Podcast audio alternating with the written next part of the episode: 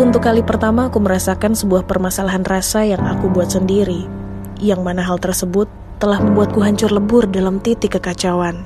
Tepat malam hari, di bawah sorot lampu jalan, aku hanya bisa berdiri dan terpaku. Diam seribu bahasa ketika kau mengucapkan kata maaf. Maaf karena kau telah berhasil membuatku jatuh cinta kepadamu. Namun ada maaf yang sungguh tak ingin aku dengar untuk pertama kalinya, yaitu maaf karena kau harus segera pergi dari hidupku.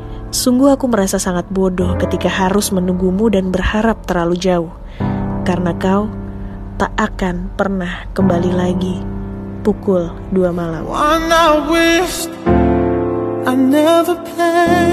Oh, what a mess we made. Now the fire